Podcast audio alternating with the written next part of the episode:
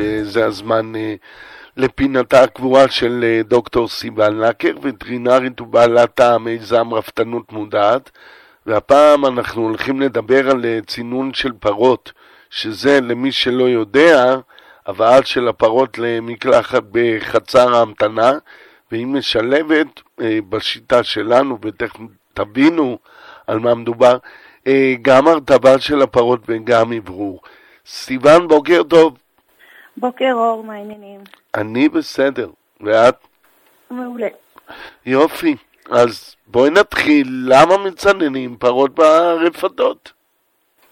אנחנו מצננים כי מאוד מאוד חם, זאת אומרת, אצלנו בארץ אה, בקיץ, בקיץ שהוא חם ויבש, אה, ואנחנו צריכים לזכור שהפרות שלנו הן בעלות אה, תנובת חלב מאוד גבוהה, וזה בעצם מכניס אותם למצב שנקרא כת חום, זאת אומרת, זה מצב פיזיולוגי והתנהגותי של הפרה שנובע מחוסר היכולת של הפרה לפלוט את כל החום הזה שנעצרת לסביבה ולהיפטר ממנו. סתם אני אתן לך דוגמה לכמה חום היא מייצרת, אז, אז אתה יכול לדמיין את זה כמו כמות של חום אה, שזה שווה ערך לשלוש מייבשי שיער, שלושה מייבשי שיער שהם פועלים ללא הפסקה, אז זה החום שהפרה כאילו בעצם צריכה לנסות להיפטר ממנו. והן לא יודעות להתמודד עם החום לבד בעזרת אה, מנגנונים אה, פנימיים, מה שנקרא? הם, אה, כן, תשמע, כאילו התחום הטמפרטורה הנוח ביותר של הסביבה לפרה זה בין 0 ל-22 מעלות. עכשיו, יש לה אה, מנגנונים שהיא, שהיא מפעילה. החום גוף הנורמלי שלו בין 38 ל-39 מעלות.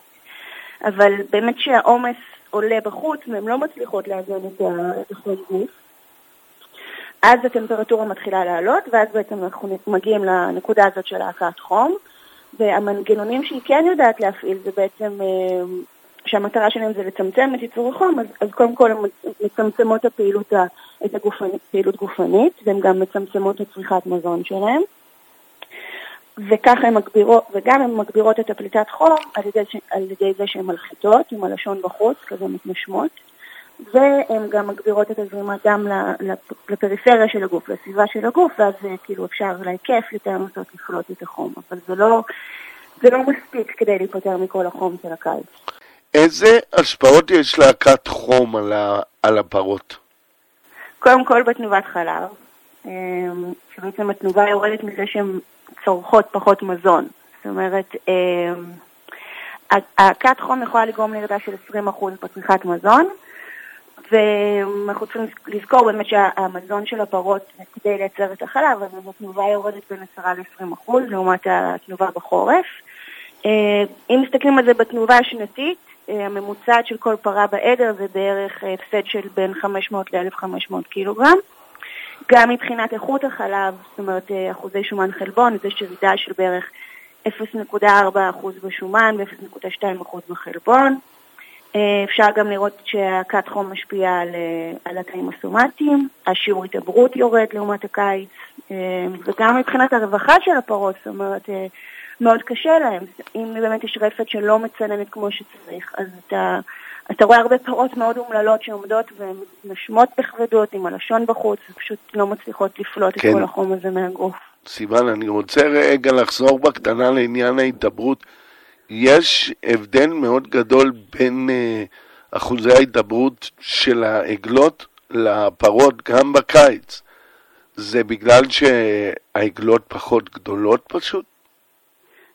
זאת אומרת שהעגלות מתעברות כן, יותר... כן, העגלות מתעברות באחוז יותר גבוה מהפרות. יכול להיות שכן, אבל גם, בכל מקרה, אחוז ההתעברות בקיץ, גם בגלות וגם בפרות, זה יורד מתחת, כאילו, זה בערך... אה, 10% פחות ממה שקורה בחורף. אוקיי. Okay. משפיע מאוד על ההתעברות.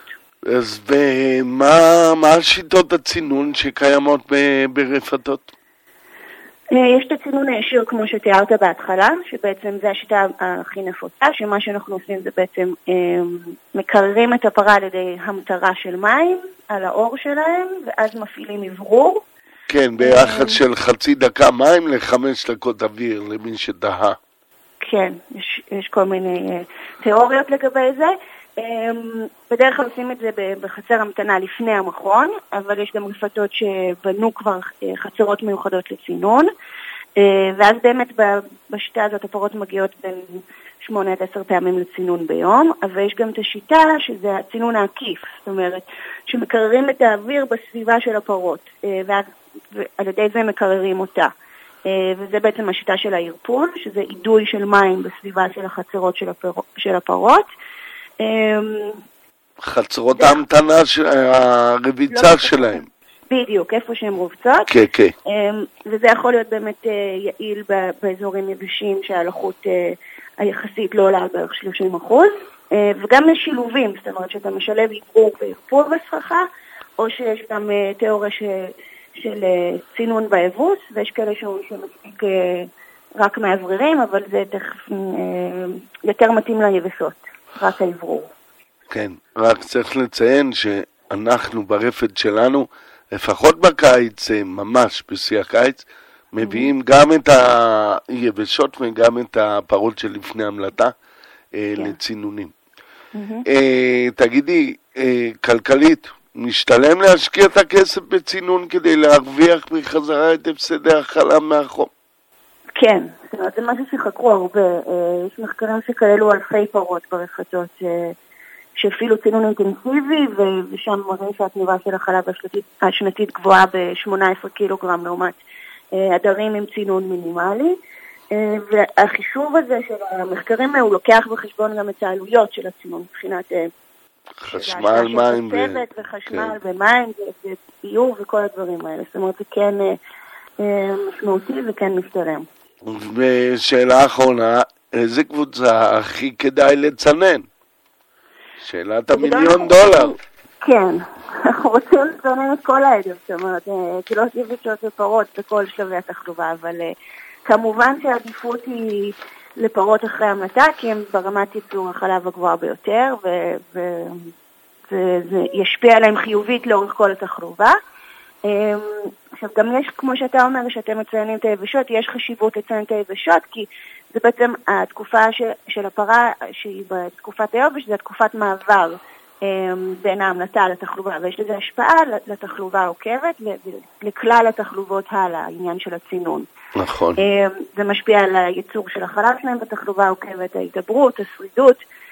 עכשיו, גם בכנס האחרון, אמ, החבר'ה משם הציגו תוצאות של מחקר, ששם הם, הם בדקו לגבי היבשות איזה שיטת צינון הכי כדאית, והם בדקו מה קורה אם אני רק עושה ערפול בלחץ גבוה בסככה של היבשות, לעומת עברור בלבד, זאת אומרת, ובלי ציונים ובלי מקלחות. והם דווקא מצאו שהפרות שקיבלו אוורור בלבד, הייתה להם טמפרטורה ממוצעת נמוכה יותר, לעומת הקבוצה של הערפול, וגם ממוצע החלב היה גבוה יותר. זאת אומרת, במקרה של היבשות הם מצאו יתרון לאוורור מלא כאמצעי צינון, אבל אני חושבת ש... הכל טוב ויפה במחקרים האלה, אבל מה שבאמת אה, מנהל רפת אה, צריך לעשות זה באמת בזמן של החום להסתובב בחצרות, להסתכל בחצרות כן. שלא נראות.